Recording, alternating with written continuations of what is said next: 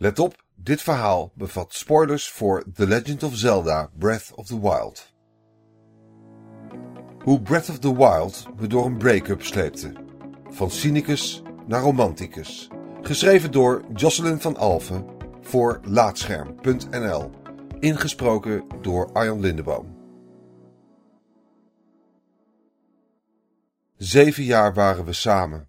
We hadden samen een huis, kat en een PlayStation 4 tot de spreekwoordelijke koek op was. Ik trok tijdelijk bij mijn ouders in totdat mijn nieuwe appartement opgeleverd werd. Ik nam niet veel mee. Een koffer met kleren, een geurkaars en mijn Wii U met het toen gloednieuwe The Legend of Zelda Breath of the Wild. Als er een einde komt aan zeven jaar lief en leed, moet je veel loskoppelen. Gezamenlijke rekeningen, huurcontracten, Spotify playlists, Netflix accounts. Ik sprak met hypothekers en financiële adviseurs en ging op huizenjacht. Enerzijds omdat ik toch door moest met mijn leven, anderzijds omdat ik afleiding zocht. Tijdens rustige momenten werd ik geconfronteerd met het gemis. Huilen deed ik in de auto, op weg naar kantoor of naar huis. Dankzij waterproof mascara zag niemand wat aan me. Op een bijzonder ellendige avond bedacht ik me opeens dat ik Breath of the Wild nog niet had aangeraakt. Ik ben een enorme Zelda-liefhebber. Ik speel de reeks al mijn hele leven en keek al een hele tijd rijkhalzend uit naar deze game. Hoe kon ik hem zo vergeten? Op mijn oude tienerkamertje zette ik de Wii U aan. Van Breath of the Wild heb ik geen enkele trailer gezien, want ik wil altijd zo onbeschreven mogelijk een Zelda-game in. Ik had dan ook geen idee van het verhaal en wist alleen dat het om een open wereld ging en dat Link dit keer een snoezig paardenstaartje had. Oké, Zelda, neem me mee, dacht ik. Ik wil even niet geplaagd worden door herinneringen aan hem. Open your eyes, klonk een stem.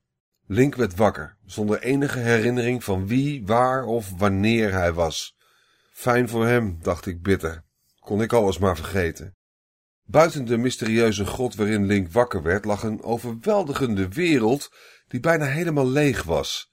Ik herkende de Temple of Time. Mijn geeky hart sloeg een slagje over.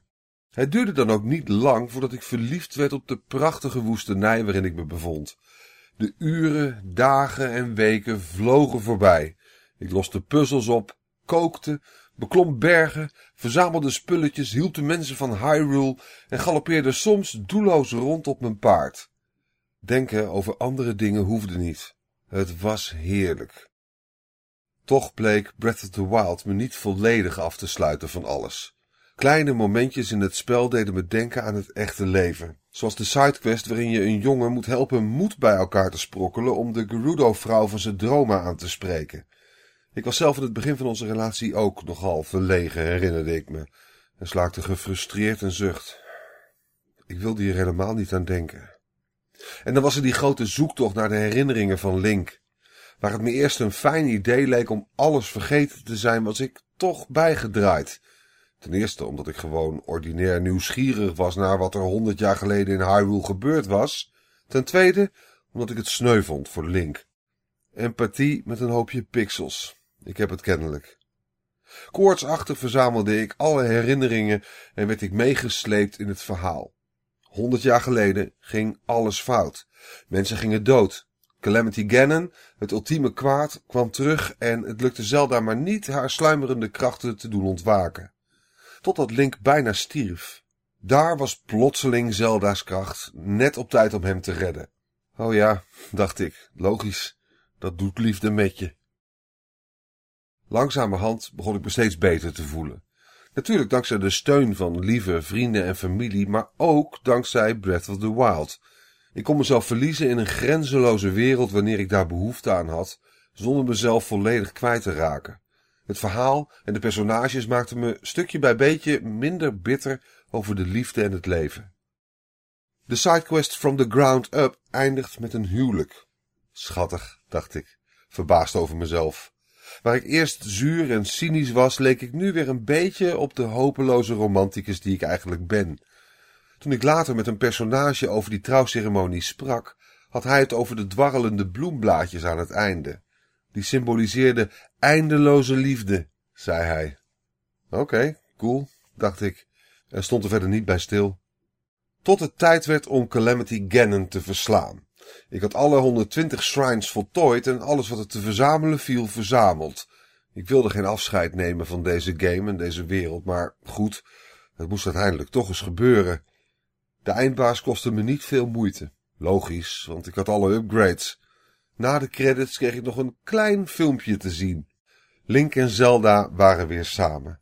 Eindgoed, al goed. Duizenden kleine bloemblaadjes waaiden op en het verhaal was afgelopen. Bloemblaadjes.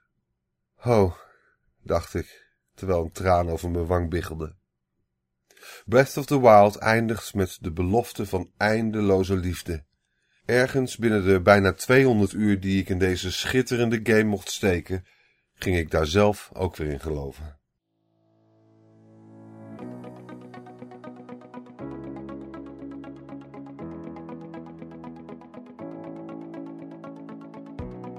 Dankjewel voor het luisteren naar Laatscherm voorgelezen. Als je waardeert wat we hier doen, dan zouden we het leuk vinden als je even een sterrenrating en een recensie achterlaat op Apple Podcasts of de podcastservice van jouw keuze. Abonneer je ook op onze andere podcast, Praatscherm. En ga voor deze en meer verhalen, geschreven of gesproken, naar laatscherm.nl.